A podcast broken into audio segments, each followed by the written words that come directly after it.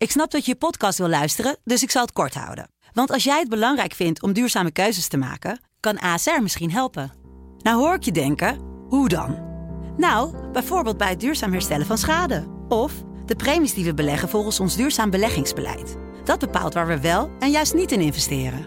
Wil je meer weten over welke duurzame keuzes ASR maakt? Ga dan naar asr.nl slash duurzame keuzes. ASR doet het. Zo, dan kan je nu lekker naar je podcast luisteren. Hoi, Sabine hier. Even een disclaimer voordat je deze podcast beluistert. We hebben deze uitzending opgenomen voordat de verschrikkelijke oorlog in Oekraïne uitbarstte. En hebben de angst waar Oekraïners nu mee leven niet besproken. Maar ook de angst om hen of de angst voor onze toekomst niet. Het is dus allemaal wat luchtiger en lijkt daarom wat minder invoelend. Maar soms is iets luchtiger ook wel prettig. Veel luisterplezier. Zo doet zij dat, de podcast van Vrouw. Mariket Hart en Sabine Leenhout zijn vrouw-vrouwen van het eerste uur. Maar hoe doen zij het eigenlijk? We gaan het uh, deze keer hebben over angst. Ja. Nou, ben ik niet zo'n angstig uh, persoon. Oké, okay, wat is je grootste angst? Mijn angsten zijn uh, meestal reëel. Ik ben bang voor een leeuw of voor een krokodil of voor iets wat mijn leven in de weg uh, staat. Oh ja, ik ben, mijn grootste angst is dat er iets gebeurt met mijn kinderen. Ja.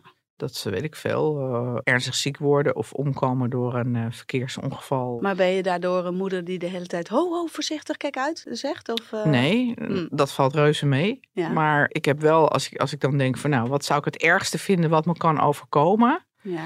Dan denk ik van nou, dat zou ik het. Volgens mij is dat ook het ergste voor ouders, dat je kinderen iets, iets overkomt. Mm -hmm. Ja. Dat is niet iets wat me dagelijks bezighoudt. Ik moet ook wel zeggen dat het wel ook beter is dan, dan toen mijn kinderen nog thuis woonden en dan s'nachts uitgingen. Mhm. Mm -hmm. Dan sliep ik ook echt verschrikkelijk slecht. Oh, echt? En dan ja. viel ik eigenlijk pas goed in slaap als ik de, als ik de sleutel in het slot hoorde. Oh, dat heb ik allemaal dus nooit gehad. En ik was dan, voelde me daardoor ook best wel af en toe een slechte moeder. Dan hoorde ik jou of iemand anders uh, dit zeggen. Dat ze niet lekker sliepen als ze uitgingen. En, uh, en ik uh, de volgende ochtend, dan moest ik even checken of ze er waren. Ik hoorde dus helemaal niks. Ik ben daar helemaal nooit mee bezig geweest. En dat voelde dan wel als slecht ouderschap. Ja. Want ik, ik was daar totaal niet angstig om. En nu woont jouw dochter tijdelijk op Bonaire. Heb jij dan, mm -hmm. maak je je daar wel eens bezorgd over of druk? Of? Nou, ik ben er net geweest en ik heb gekeken hoe zij daar dan leeft. Ik maak me dan eerder zorgen dat ze geen uh, vrienden zou hebben. Maar ze heeft daar de verjaardag gevierd en er waren 25 man. Dus ze mm -hmm. heeft al 25 nieuwe vrienden gemaakt. En nou, ik, het voelt voor mij ook als een heel veilig eiland. In tegenstelling tot uh, Curaçao, waar, waar toch wat meer criminaliteit is. En het is natuurlijk ook veel groter. En uh, dit is, ja, het is allemaal zo beschermd en kneuterig en klein. En nee, ik, ik maak me er geen zorgen om. Nee, nee. Dus je vindt jezelf niet een hele superbezorgde moeder? Nee, totaal niet. Nee. Hm. Nee, en ik heb wel zorgen om mijn kinderen. Hè, ik wil dat ze gelukkig zijn en dat een beetje uh, dat ze een gemakkelijk leven hebben. En, uh, maar het enige wat ik daar dan uh, effectief aan doe, is, is proberen om ze in een bepaalde richting. Dat, dat een opleiding wel redelijk belangrijk is. Dat als zij een bepaalde standaard in hun hoofd hebben hoe ze willen leven, ja, dat dat, dat of je moet een hele handige ondernemer zijn, of je moet even uh, iets beter je best doen op school, zodat je wat hoger instapt op bepaalde banen, zeg maar. Ja. Maar um, nee, verder geen, uh, geen zorgen dat ik. Um, dat ik ze dingen verboden heb omdat ik zo bezorgd was. Ja. Nee. Ik heb altijd het gevoel dat jij echt altijd alles durft. Klopt dat? Ja, ik durf ook bijna alles. Ja, ik vind sommige dingen gewoon niet zo leuk. Oh, nou, ik durf iets echt helemaal niet. En Ja. daar heb ik echt een, wel een irreële angst voor. Ik durf niet te zingen. Terwijl ik een prima stem heb en ik ben de vaste voice-over van de Telegraaf. En uh, ik kan ook prima ritme houden en in de auto durf ik te zingen. En het, het klinkt niet lelijk of zo. Maar ik, ik ben daar zo scheiterig in. Zelfs, ik playback zelfs een beetje als ik uh, lang zal leven zing in een groep. Echt waar? Ja. Grappig. Ja, want ik vind op een podium staan ook helemaal niet zo erg. Mm -hmm. Dus mensen toespreken. Ja, of zo. grote groepen toespreken? Nee, dat maakt me niet zoveel uit. Dat, ik vind het wel fijn als ik dat een beetje voorbereid heb. Mm -hmm. heb. Ja, ik kan mijn bek wel een douw geven, zeg maar. Zoals ze dat in Rotterdam altijd zeggen.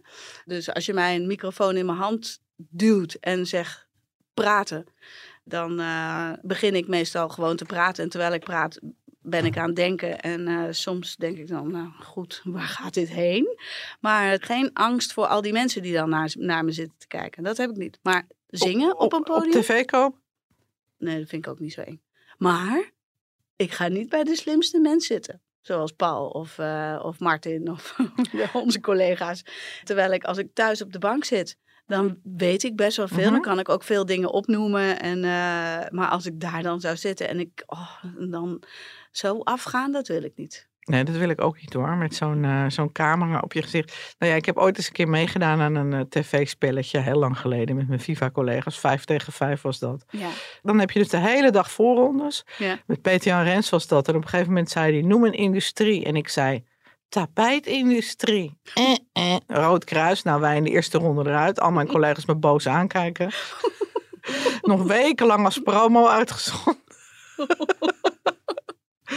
En toen heb ik ook besloten, ik wil echt overal, want ik heb overal mening over. Dus je kan me bij elke talkshow eh, eh, zetten en ik klets erover mee. Ja. Wat ik af en toe ook natuurlijk een beetje onzin vind. Ik bedoel, eh, je kan aan mij vragen, wat, wat vind je van het coronabeleid? Daar vind ik dan van alles van, maar ik ben natuurlijk geen expert. ja. Maar zo'n tv-quiz, dat, ja, of zoals de slimste mens, dat zou ik ook niet zo goed durven voor. Nee.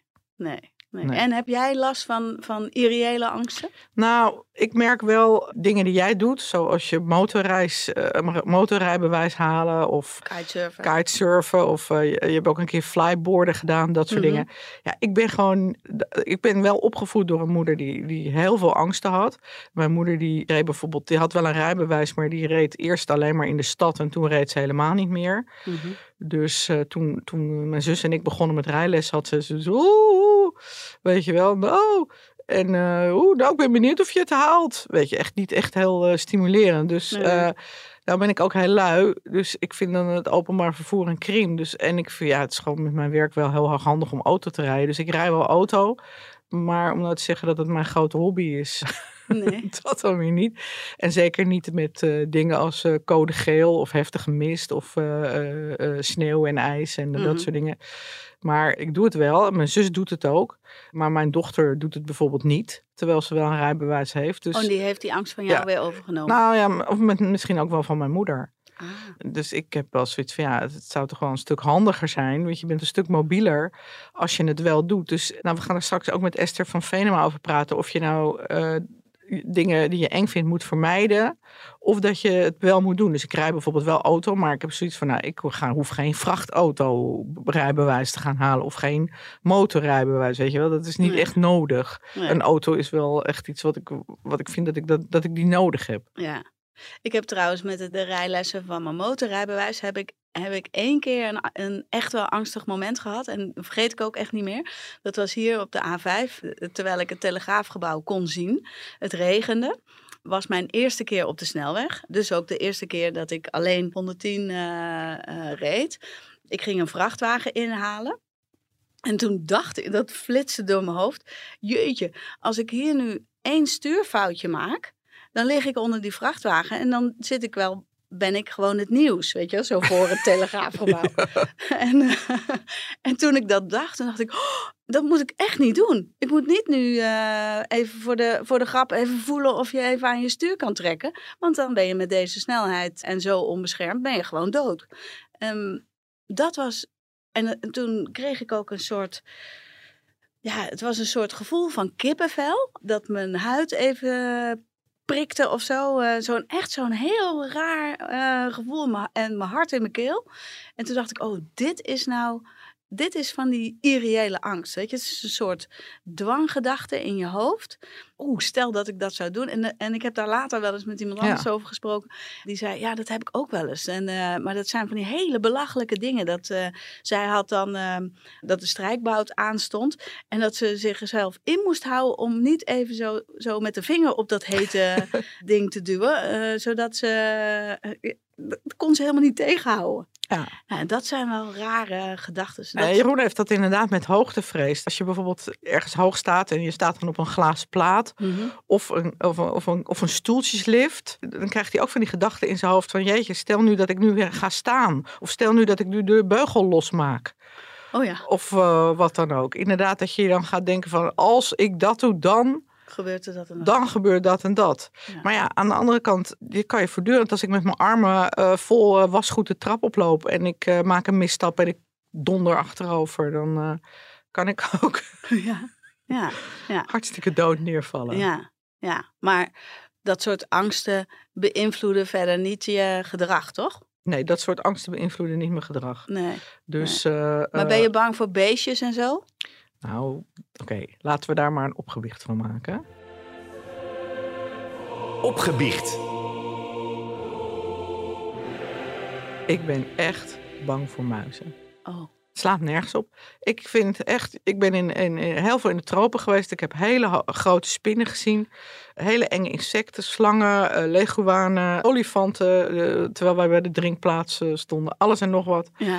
Maar wat ik het allerengste vind zijn muizen. Oh, Ik woonde vroeger in een heel oud huis. Toen hadden we heel veel muizen. En toen heb ik twee katten genomen, zodat die muizen kon eh, opeten. En de muizen bleven ook weg. ja. Ik heb inmiddels eh, nog steeds twee katten, weer twee andere. Maar die ene, die komt dus gewoon echt elke paar dagen binnen met een muis. aha. En liefst een levende muis. En die, die jaagt ze dan door het huis heen. En die muis die gaat dan eh, achter de piano zitten of in de gordijnen of wat dan ook.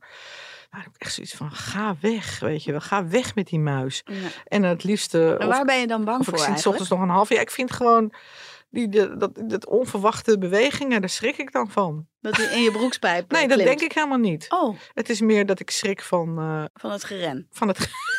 Als ik het zo zeg, het slaat gewoon echt nergens. Ratten vind ik nog enger. Ja, ja, ja. Oh, gadverdamme. Ja, ja. Nee, ik ben daar helemaal niet bang voor. Mijn eh, vriend daarentegen, die is er wel bang voor. Maar die heeft ook een beetje hoogtevrees. En die is ook heel erg bang voor wespen. Hij is ervan overtuigd dat wespen ook zomaar voor de flauwekul steken, omdat ze dat kunnen. Nou ja, en hij is vroeger, zij, hadden, zij hebben bijen thuis. Eh, zijn vader is eh, amateur imker. En op een of andere manier hadden ze ook altijd best wel nare bijen. En hij is wel eens in zijn wang gestoken toen zo'n bij op een eh, broodje jam zat, geloof ik. En eh, hij koppelt dat aan. En bijen, die gaan dood hè, als ze je steken. En wespen gaan niet dood. Dus hij is ervan overtuigd dat die wesp het eh, op hem gemunt heeft. en dan gaat het dan ook heel spastisch. En eh, nou ja, de tafels vliegen nog net niet door de lucht. Maar het is wel een dergelijke reactie. En dat is wel bijzonder, want ik heb dat dus helemaal Je hebt geen enkel beest waar je die een beetje eng vindt. Nee, ik vind krokodillen niet fijn in het wild. Nee. Maar ehm, die kom ik niet zo vaak tegen. en ik heb net, eh, eh, mijn vakantie was naar, eh, naar Bonaire, zoals ik al zei. En daar heb ik heel veel gesnorkeld. En dan ben ik ook absoluut niet bang voor de vissen. Ik, ik, ik weet er ook veel over. Ik weet wat voor vissen het zijn. Ik heb ook van die, nou, Maarten kwam na één keer snorkelen. Die heeft niet, in zijn leven niet zo heel veel gesnorkeld. Omdat hij eigenlijk ook een beetje bang voor water is. Dat komt Oh ja. Definitief door zijn moeder. Want die, is, die kan ook niet goed zwemmen. En die heeft, eh, nou, ik geloof dat hij op zijn twaalfde eh, is opgegroeid in Bergen. Maar op zijn twaalfde haalde hij pas zijn eh, A-diploma. Vervolgens is hij eh, heel veel gaan watersporten. Maar daarmee, en dat zegt hij altijd zelf, ja, nee, maar dan sta ik op een bord, hè. Dus hij kan dat ook heel goed, want hij heeft echt geen zin om in die zee te liggen. Snorkelen, ja, ik vind dat masker niet fijn. En nu heeft hij zo'n decathlon Oh masker, ja, zeg die maar. heb ik ook. Nu vond hij het waanzinnig, want het is, ja, het is op Bonaire ook echt Ja. net of je in een aquarium Maar springt. snorkelen is leuk, hè? maar diepzee duiken, dat lijkt me dan wel weer eng. Dat je dus gewoon met, eh, eh, eh, die, diep onder water bent. En Ja. ook niet, als je denkt, "Ugh, eh, ik, ik wil weg, dat je niet zomaar naar boven kan zwemmen. Nee, Dat, dat geeft mij een heel benauwd gevoel. een beetje claustrofobisch. Ja, Ja, ja. Nee, heb ik, nee, heb ik ook geen last van. Ik heb Nee. ook duikcursussen gedaan. Ik kan niet zo heel goed klaren. Dus na vijf, zes meter krijg ik zo'n pijn in mijn kop dat ik, de, ja, dus, dus daar zit de beperking. Maar ik ben niet bang eh, voor, die, voor die vissen of, eh, of voor spannende beesten, haaien. nee, dat of, heb ik ook eh, niet. Ik ben niet bang voor vissen. Maar nogmaals, ik vind dat gewoon het idee dat je met een zuurstofmasker... Het voelt een beetje onnatuurlijk. Ja, ja, ja. Diep, natuurlijk ook. Ja. diep onder de zee zit en dat je er niet zomaar uit kan. Nee, nee, nee. Nee, want je mag natuurlijk nooit sneller dan je eigen bellen omhoog. En, daarom. dus, ja. dus dan denk ik, laat maar. Laat maar. Ja. maar ik ben wel heel benieuwd naar, eh, naar van, die, eh, van, die, van die dwangachtige angsten en eh, compleet irreële angsten. En eh, daar hebben wij een eh, hele bijzondere gast, mogen wij bellen. Esther van Venema. eh, psychiater, bekend van eh, radio en televisie. Ja. Nou, ben benieuwd wat zij erover Ja, te zeggen ik ook. heeft. Dag Esther, met Sabine. Hi Sabine, goedemorgen. Esther hier inderdaad. Hi, en dit is Marika. Hallo Marike. Hoi. Ik, eh, ik hoor jou regelmatig bij eh, onze collega's eh, Kitty en Elif. Dus Ja. ja, Goed, ja. ja leuk. We hebben het vandaag over angst en angststoornissen en irreële angsten. En ik las dat eh, vier op de tien mensen in hun leven te maken krijgen met één of meerdere angststoornissen. Mhm. Hoe, hoe komt dat? Zoveel mensen, hoe kan dat? Ja, dat is een goede vraag. Ehm, eh, angst en, en stemmingsklachten lopen wel een beetje door elkaar. Hè? Dus mensen die depressief zijn kunnen ook last krijgen van allerlei angstklachten. Dat past daar allemaal een beetje in, dat, eh, in datzelfde domein. Mhm. Ehm, en hoe dat komt, ja, we hebben natuurlijk best wel ingewikkelde levens. Hè? Met, met heel veel prikkels, met, met weinig verbinding met elkaar. Eh, we, nou, hebben de coronaperiode natuurlijk nu eh, al inmiddels twee jaar met, met veel ontregeling, met chaos, met onzekerheid en dreiging en weet ik wat allemaal. Dus dan is het ook wel te verklaren dat ons brein reageert met angst. Dus in die zin ben ik niet heel erg verbaasd. Ja, ik vind het ook heel veel mensen. Dat ben ik wel zeker met jullie eens. Mhm. Ja, en als we het even specifiek over van die fobieachtige angsten hebben, zoals een irreële angst voor spinnen. Kun, kun jij daar eh, iets over vertellen, hoe, hoe zoiets kan ontstaan? Ja, dat, dat zijn hele ingewikkelde vraagstukken. Hè? Dus angsten die ontstaan omdat je brein eh, denkt dat er groot gevaar is. En Mhm. Nou ja, bij spinnen zijn allerlei hypotheses dat dat te maken heeft met een bepaald soort schielijk bewegen van die dieren, waar sommige breinen dan met angst op reageren. Mhm. Maar ik denk dat het eh, interessant is om te kijken van, nou ja, waarom hebben we überhaupt een brein? Hè? En dat is om te voorspellen of er gevaar dreigt in de nabije toekomst. En Ja. dat voorspellen van gevaar, dat was natuurlijk ooit nodig om tijgers op tijd aan te zien komen, bewijs van. Mhm. Ehm, dat voorspellen van gevaar, dat gaat via hele snelle banen in ons brein. En dat gebeurt eigenlijk op basis van nou ja, wat je zintuigelijk waarneemt en je eerdere ervaringen. En dat koppelt het brein. En dan komt er eigenlijk per direct dan een voorspelling van nou, dit zou wel eens heel gevaarlijk kunnen worden. Mhm. Vervolgens dan krijg je dus activatie van wat ik even heel simpel de paniekknop in het brein noem, de amygdala. Ja. En die zegt dan van nou, dit wordt vechten, vluchten of bevriezen. En dan hangt het van een aantal zaken af wat jij op zo'n moment doet. Mhm. Maar dat is een beetje het mechanisme achter, achter angst. Ja. En dat is niet altijd helemaal in sync met de realiteit. Hè? Want Nee. als je in de supermarkt staat en je krijgt een paniekaanval, is dat hetzelfde mechanisme. Alleen er is op dat moment niet een heel groot gevaar waardoor je leven wordt bedreigd. Nee. Alleen je brein denkt dat dan op dat moment zo wel te zien. En waarschuwt je in feite van, joh, pas op, want dit, eh, dit is hele linkerboel. Ja. Oké, maar stel dat je dat krijgt, hè, een paniekaanval in de supermarkt. Wat moet je dan doen? Blijven staan of heel hard die supermarkt uitrennen? Nou ja, kijk, dat, dat ligt een beetje aan de omstandigheden. Maar ik werk veel met artiesten die op het podium podiumangst hebben. En dat is vaak een paniekaanval. En ja, op het moment zelf is dat heel lastig om daar iets aan te doen. Hè. Het is meer van tevoren als je die spanning voelt opbouwen. Dat je inderdaad misschien een rondje moet gaan hardlopen. Dat dat helpt om die adrenaline of die angst kwijt te raken. En ehm, het is eigenlijk bij therapie ook zo dat je gaat kijken van, nou ja, wat zijn nou de aannames van jouw brein waardoor een podium of een supermarkt zo gevaarlijk is? Mhm. Ehm, en dan zijn er allerlei ideeën, hè, van dan kan je kijken, goh, is het ooit een keer misgegaan waardoor je brein denkt, nou pas op, een podium en supermarkt is heel gevaarlijk. Ehm, dus we geven alvast eh, voldoende cues dat het brein eh, in de absolute parate stand terechtkomt. Ehm, dus dat hangt natuurlijk heel erg af van het ontstaan van die angst, wat voor soort therapie er mogelijk is om daar wat aan te doen. Ja, en als je nou heel erg bang bent voor, eh, kippen of zo, eh, zou je dan eh, als psycholoog of psychiater aanraden om juist eens een keer zo'n kippenren in te stappen om, eh, om je brein te laten wennen dat het allemaal niet zo levensgevaarlijk is? Of, of is dat helemaal geen goede therapie? Ja, nou ja, dat is een, dat is een geinig voorbeeld natuurlijk. En ehm, ook daar hangt het af van, goh, hoe is die angst ontstaan? Hè? Ben jij een keer in je kruis gegrepen in dat kippenhok en associeer je dan die kippen met een groot naar gevaar, grensoverschrijdend gedrag, om maar even actueel te blijven?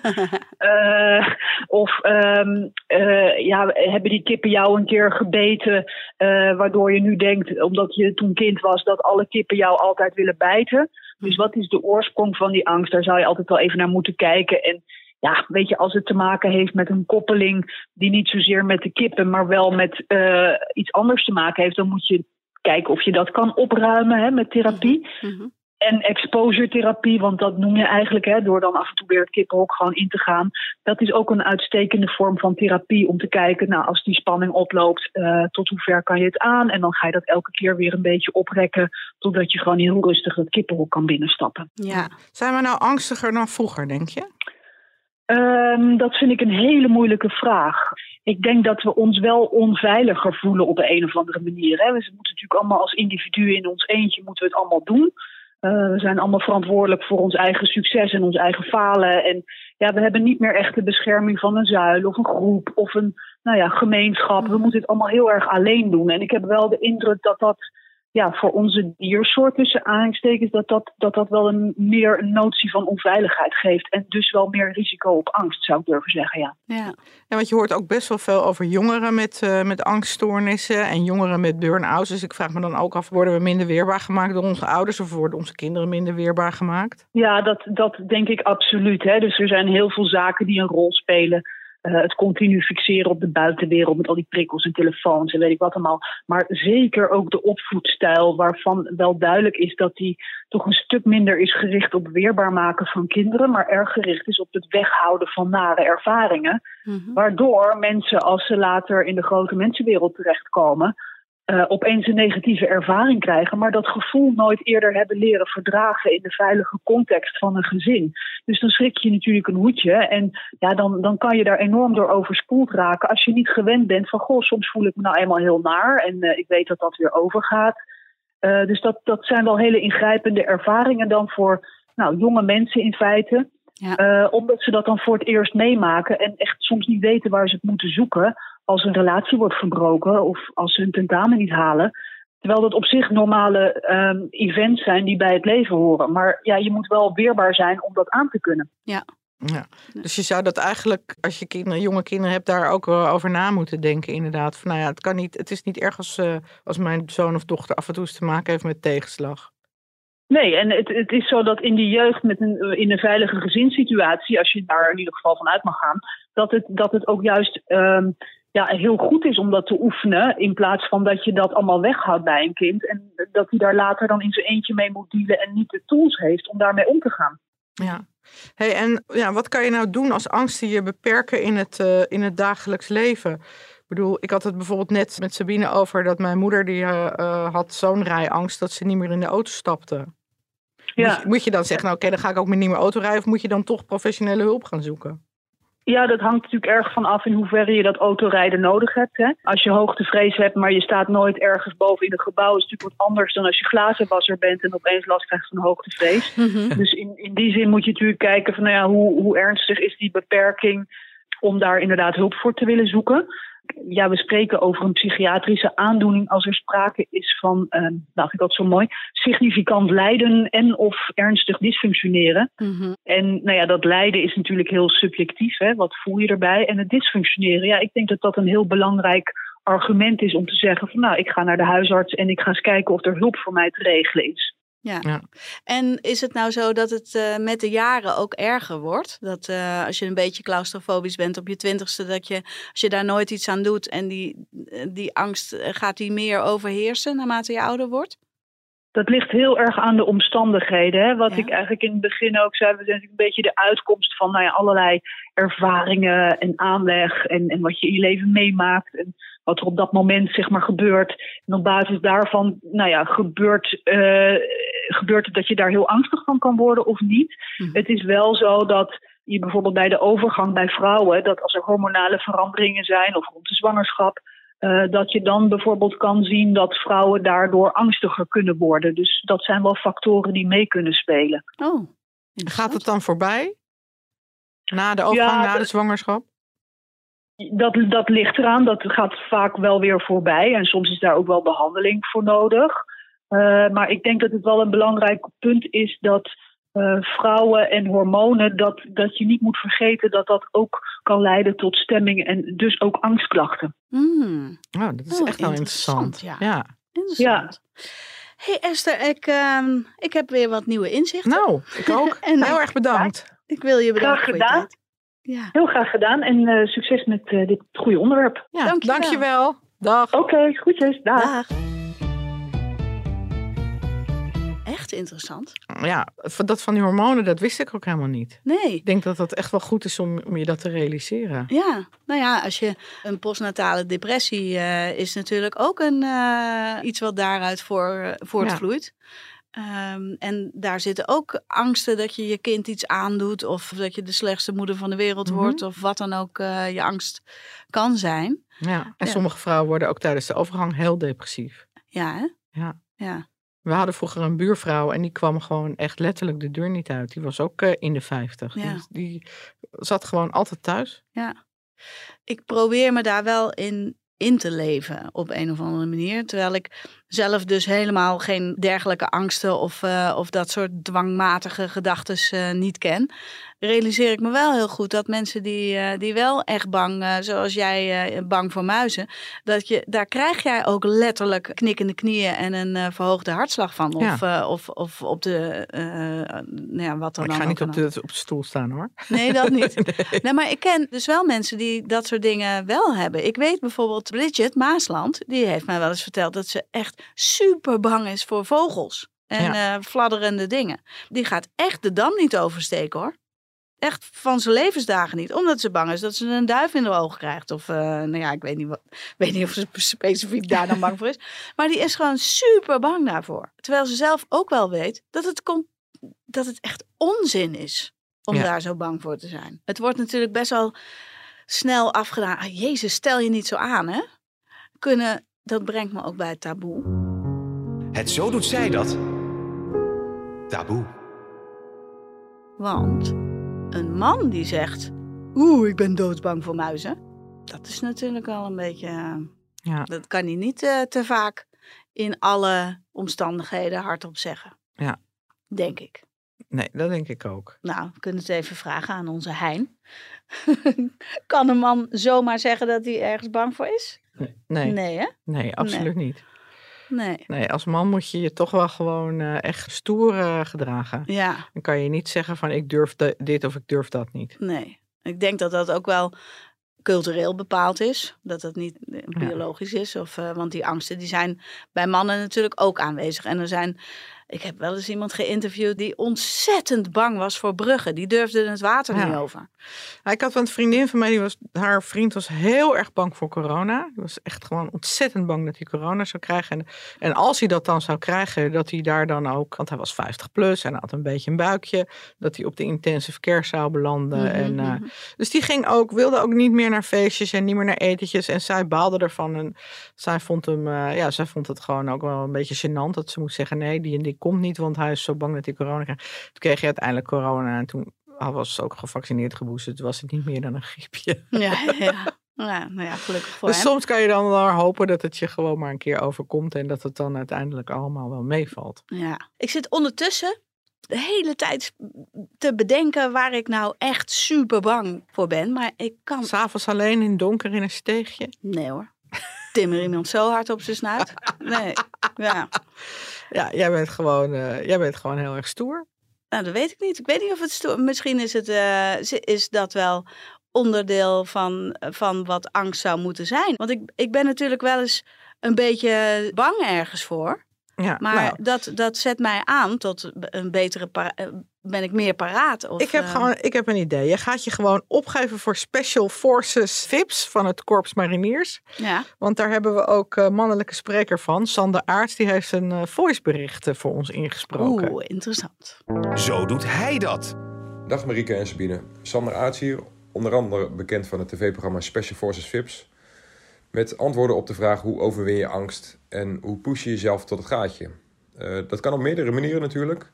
Maar één manier om eigenlijk beide vragen te beantwoorden is om naar de angst toe te gaan. En ook als je onder moeilijke omstandigheden werkt, dus je moet echt doorzetten, dan is het sowieso belangrijk om in het hier en nu te, blijven. Dus niet te veel jezelf te laten leiden door het verleden of door de verwachtingen van de toekomst, maar echt gewoon in het hier en nu te blijven.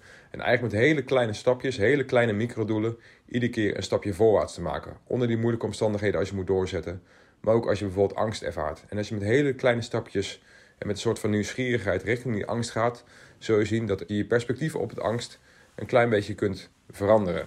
En op die manier probeer je eigenlijk met kleine stapjes gewoon iedere keer voorwaarts te gaan. Als je moet doorzetten onder moeilijke omstandigheden, maar ook als je bepaalde angst moet overwinnen. Dus dat je elke keer een klein stapje richting die angst neemt, klein beetje went aan de angst, klein beetje went aan de omstandigheden om vervolgens weer een stapje voorwaarts te maken. Iedere keer met een nieuwe nieuwsgierigheid, met een nieuw microdoel om vervolgens de angst te gaan onderzoeken en daaraan te wennen eigenlijk. Ehm, uiteraard zijn er meerdere technieken en meerdere methodes, maar dit is er in ieder geval eentje van. Kleine stapjes in het hier en nu en rustig door blijven gaan. Mooi. Ja? Ja. Ik heb ter voorbereiding eh, van deze pod- podcast ook even naar de Special Forces gekeken.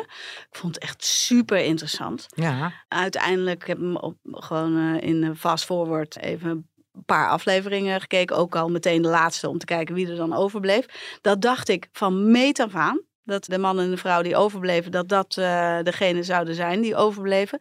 Die hadden namelijk alle twee in aflevering 1 en 2 al niet zo'n last van hun eigen ego. Ja. Die waren totaal niet bezig met inderdaad verwachting van de toekomst of eh, wat hij zegt. Ja, nou ja, als je dan ook nog eh, je fysieke fitheid eh, erbij hebt, dan, dan red je dit soort dingen wel. En de mensen die schreeuwend om hun moeder de aftocht bliezen, ja, dat zag je in deel 1 al eigenlijk. Toch? Ja. Heb jij het gezien? Ja, en ik heb Ja. alleen uh, aflevering 1 gezien, waarbij ik uh, Hannelore Zwitserloot uh, Ja. eerst heel hard op de kont zag vallen.